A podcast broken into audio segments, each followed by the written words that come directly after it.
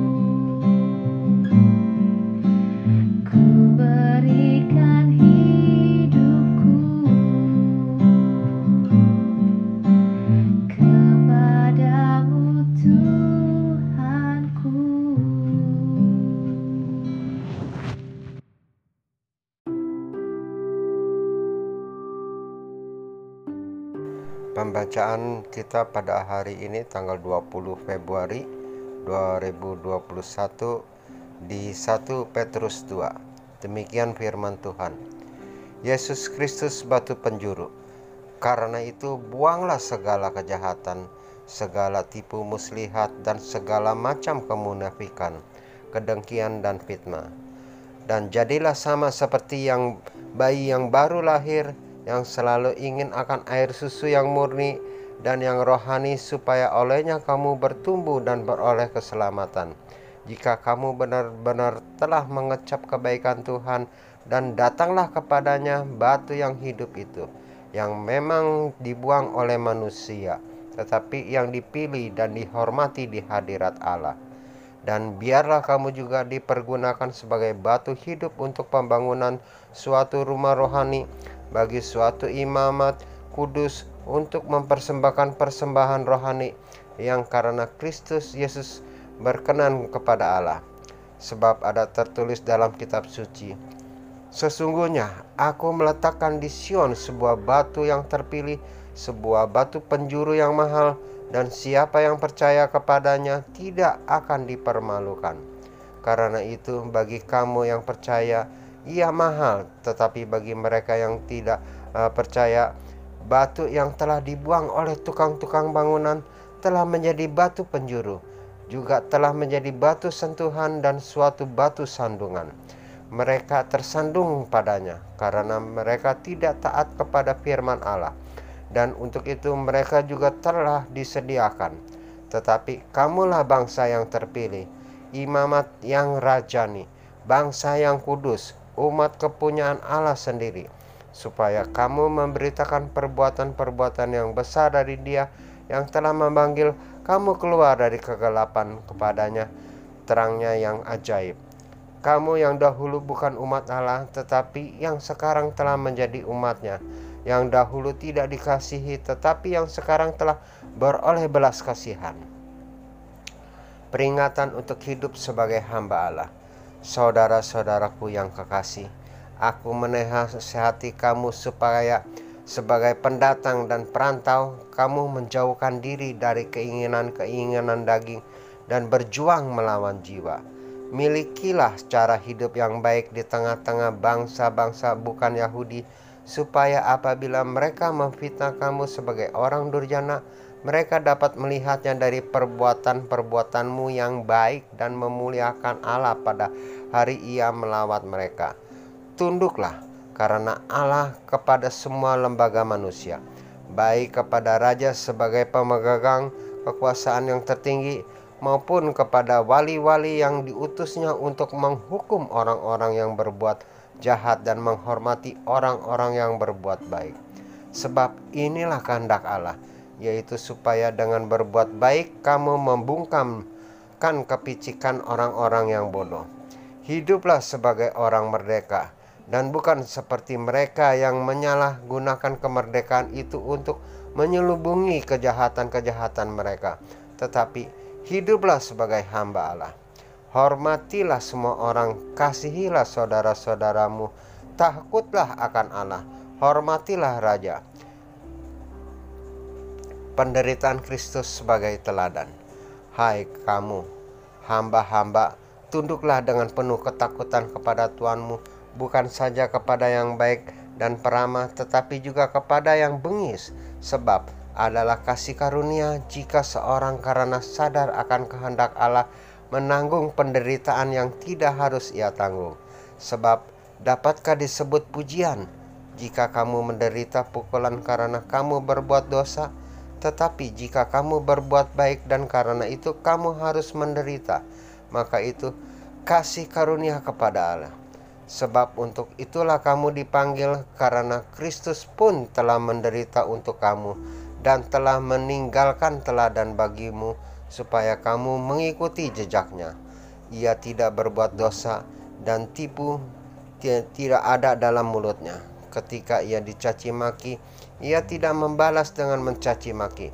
Ketika ia menderita, ia tidak mengancam, tetapi ia menyerahkannya kepada Dia yang menghakimi dengan adil. Ia sendiri telah memikul dosa kita di dalam tubuhnya di kayu salib supaya kita yang telah mati terhadap dosa hidup untuk kebenaran. Oleh bilur-bilurnya kamu telah sembuh, sebab dahulu kamu sesat seperti domba, tetapi sekarang kamu telah kembali kepada gembala dan pemelihara jiwamu. Demikian firman Tuhan. Haleluya. Amin.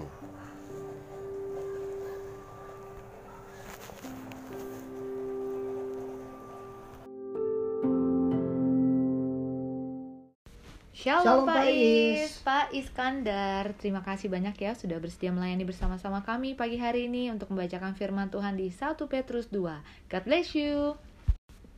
Ayat favorit saya di 1 Petrus 2 ayat 1, 5, 11, 17, 21. So get rid of all evil behavior. Be done with all deceit, hypocrisy, jealousy, and all unkind speech. And you are living stones that God is building into His spiritual temple. What's more, you are His holy priest. Through the mediation of Jesus Christ, you offer spiritual sacrifices that please God. Dear friends, I want you as temporary residents and foreigners to keep away from worldly desires that wage war against your very souls. Respect everyone and love the family of believers. Fear God and respect the king. For God called you to do good, even if it means suffering, just as Christ suffered for you. He is your example and you must follow in his steps. Nah, teman-teman, di pasal 1 kemarin Peter mengajarkan kita untuk hidup kudus. Dan di pasal yang kita baca hari ini ada beberapa pesan yang dia sampaikan. Oke, yang pertama, Peter memulai suratnya di pasal yang kedua ini dengan perintah untuk buang segala kelakuan jahat dan terus bertumbuh di dalam kehidupan rohani. Teman-teman, hidup di dalam Yesus Kristus berarti harus ada perubahan. Firman Tuhan mengajarkan kita untuk kita harus menanggalkan jubah yang lama kita dan mengenakan jubah baru kita sebagai ciptaan yang baru. Jadi kita perlu meninggalkan semua dosa yang menghalangi kita untuk bertumbuh dan kita harus terus berupaya menjadi serupa dengan Yesus Kristus. Oke, poin yang kedua, Jesus is the cornerstone chosen by God for great honor. So those who trust in him are also living stones. Nah, teman-teman, kita sebagai pengikut Kristus, kita hidup mempresentasikan Kristus kepada dunia. Yep. Jadi kita perlu menjadi teladan, kita perlu jadi terang, kita harus jadi saksi Kristus di mana pun kita berada. Kita perlu memberitakan kasih, kebesaran, dan perbuatan-perbuatannya yang ajaib kepada dunia. Poin yang ketiga, eh, Peter peringatin kita nih bahwa kita hanya penghuni sementara di dunia ini. Kita tuh cuma foreigner doang. Jadi this world is not our home. Teman-teman harus ingat bahwa dunia ini bukan rumah kita. Jadi menjauhlah dari hasrat atau keinginan duniawi yang berperang di dalam jiwa kita. Uh, tentunya kita ingat ya pesan kemarin juga di pasal yang pertama, hidup kita dan segala yang kita miliki itu suatu saat akan lenyap. Yang kekal selamanya hanyalah firman Tuhan. Jadi, karena rumah permanen kita di sorga, mari teman-teman kita pikirkanlah perkara yang di atas, bukan yang di bumi. Oke, poin yang keempat, hargailah semua orang, kasihilah keluarga orang-orang percaya, takutlah akan Tuhan, hormatilah raja. Intinya begini, ketika kita percaya kepada Yesus, berarti kita mengasihi Tuhan Yesus juga mengasihi sesama. Nah, kasih itu bukan hanya di mulut aja atau cuma teori aja, tetapi kita perlu nyatakan di dalam tindakan dan perbuatan baik kita. Kita perlu respect human authority. Entah itu pemerintah ya, Fit Iya. ya. Entah itu para leader di gereja, atasan atau bos kita di tempat kerja kita. Nah, disebutkan di ayat 18 bahwa kita bukan hanya respect atau hormat kepada atasan atau leader kita eh, yang baik sama kita, tetapi kita juga perlu baik kepada mereka yang berlaku kasar kepada kita.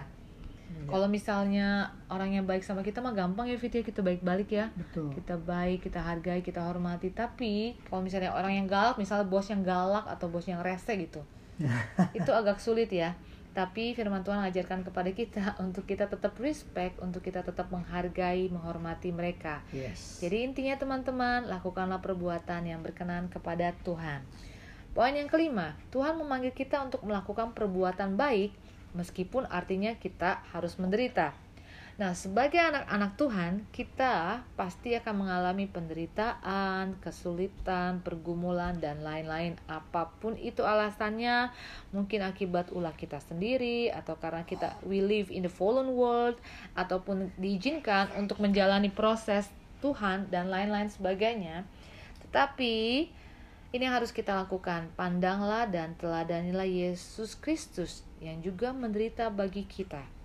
Kita harus tetap setia dan menghadapi segala pergumulan atau penderitaan dengan sabar, dengan tenang, dengan penuh harapan karena kita percaya bahwa Tuhan Yesus pegang kendali di dalam hidup kita. Ya. Haleluya. Haleluya. Jadi setelah kita menerima Yesus, sebagai Tuhan dan Juru Selamat, identitas kita berubah. Yep.